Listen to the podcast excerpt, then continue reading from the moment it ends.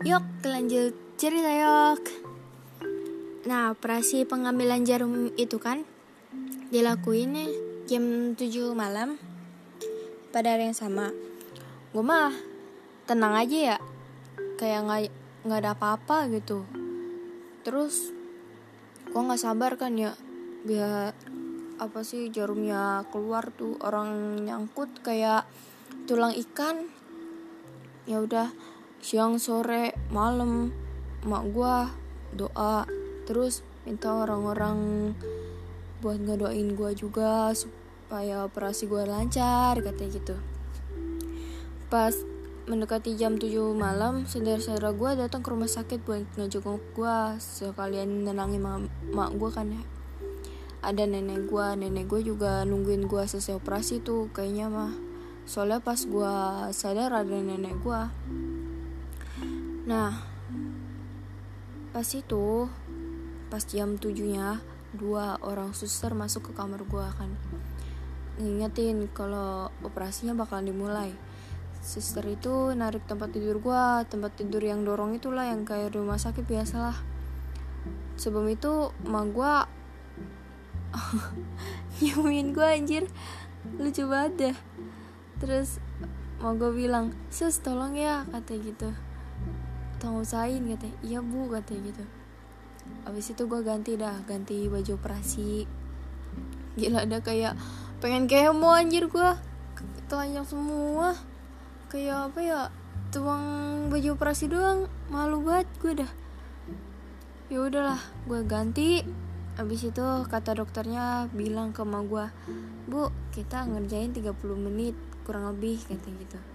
Kalau lebih dari itu nanti saya kabarin lagi tindak lanjutnya.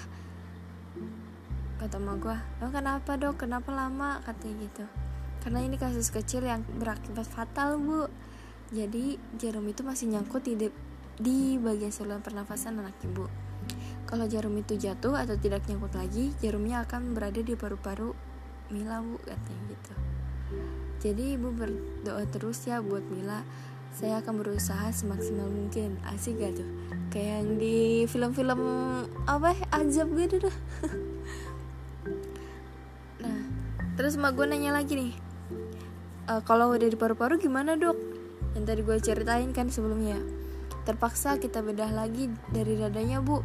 Lebih parah lagi tulang rusuknya bisa ikut terpotong sebagian. Nah kata dokternya gitu. Bener kan kata gue tadi?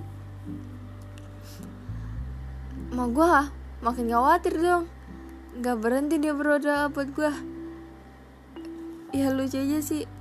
Gimana ya? Lucu juga khawatir juga panik juga. Gue tuh pas di dalam ruangan operasi. Gue takut juga lah kalau umur gue cuma sampai segitu doang anjir. Cuma SMP nah terus gue dibius total kan ya. Efeknya bakal lama. Paling dari jam udah nanti gue ceritain gue ditanya-tanya mas susternya apa efek biusnya ngaruh kan ya susternya nanya deh kamu kelas berapa kelas 9 sus ini lagi mau wisuda teh mau wisudaan eh jarpen malah masuk ada nggak jadi tampil deh gue bilang gitu kan ya lain kali kalau pakai jawab itu jarpennya taruh di tempat lain ya. Jangan ditaruh mulut lagi kan bahaya nih kata gitu. Kamu tegang nggak kata suster. Enggak kok sus. Tapi kok dingin banget ya kata gitu. Kan emang ruangannya lebih dingin say. Udah kamu doa aja ya. Kalau ngantuk tidur aja kata. Terus gue nahan dingin dah tuh. Badan gue gigil. Terus gue baca doa dah. Gue bilang eh gue gue bilang sih gue udah mulai ngantuk dah udah kayak uh keleyap keleyap dah mata gue ya gue dengar suara detak jantung alat detak jantung itu yang kayak nit nit nit terus udah tuh nggak lama kemudian gue langsung gelap aja dah. Kayak tidur biasa nyenyak banget ya. Terus sebelum itu sih gue ngeliat kayak lampu-lampu ruangan operasi anjir serem juga ternyata. Nah 45 menit kemudian Kan lebih tuh ya dari 30 menit. Udah selesai Alhamdulillah.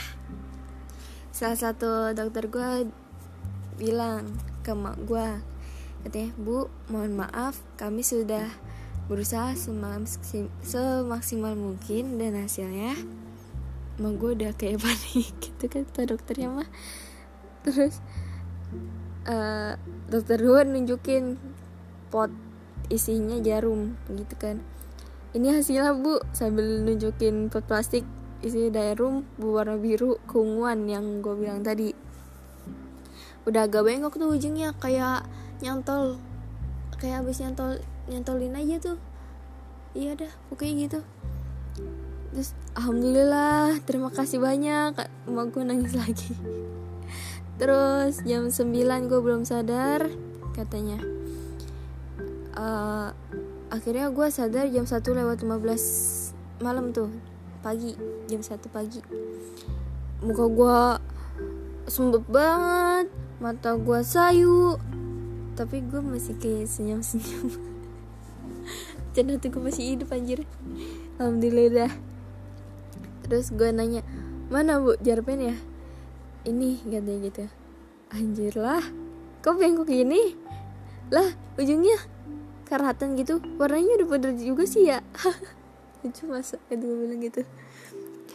Mau gue bilang gini makanya lain kali kalau lapar makan paku ya sekalian biar gedean kata gitu.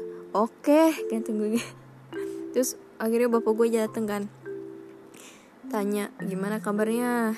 Oke lah. Udah alhamdulillah udah. Selesai dah. Pagi hari gue bangun terus telepon dah sahabat gue uh, halo assalamualaikum. Waalaikumsalam ada apa? Nanti gitu. Gue baru selesai operasi kayak lu bilang gitu. Hah lu kenapa? Lu kenapa nggak bilang deh? Lah kayaknya gue udah bilang deh kayak oh ya bukan. Bukan sahabat gue yang ini ternyata anjir.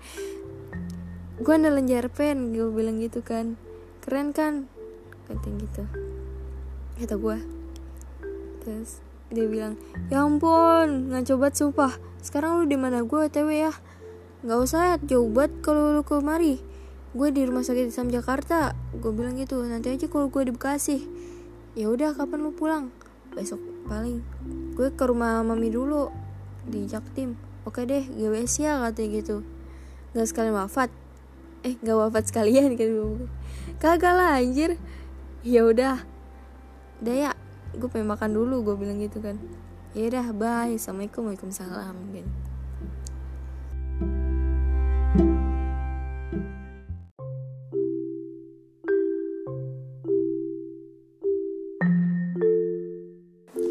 terus. Gebetan gue nge-WA dia bilang dia khawatir gitu lah pokoknya apa ya spam, spam chat banyak banget dari malam. Orang gue kagak megang HP kan ya tau kan gue dioperasi anjir lah. Terus gue bilang woi gue kagak ngapa kok alhamdulillah lancar operasinya.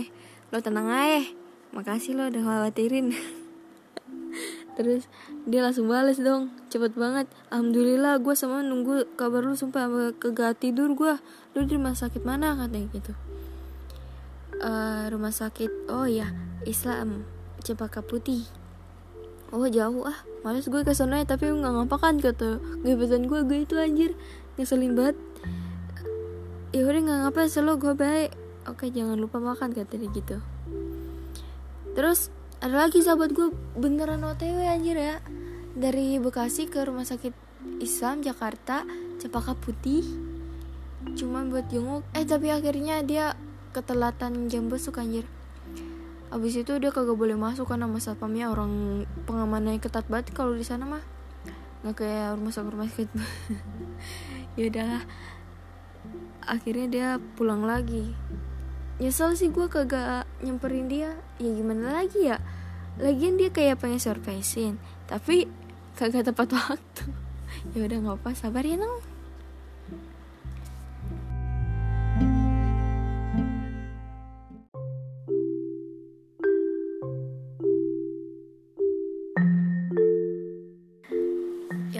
Sekian cerita gue pokoknya jadi pelajaran aja sih kalau ada yang ngedenger nih. Ingetin jarum betul jangan taruh mulut anjir. Bahaya banget asli dah. Jangan sampai dah kejadiannya kayak gue bener-bener dah. Pada khawatir semua. Guru-guru gue juga pada teleponin tuh mau gue ya udahlah sekian ya. Hati-hati guys. Assalamualaikum. Waalaikumsalam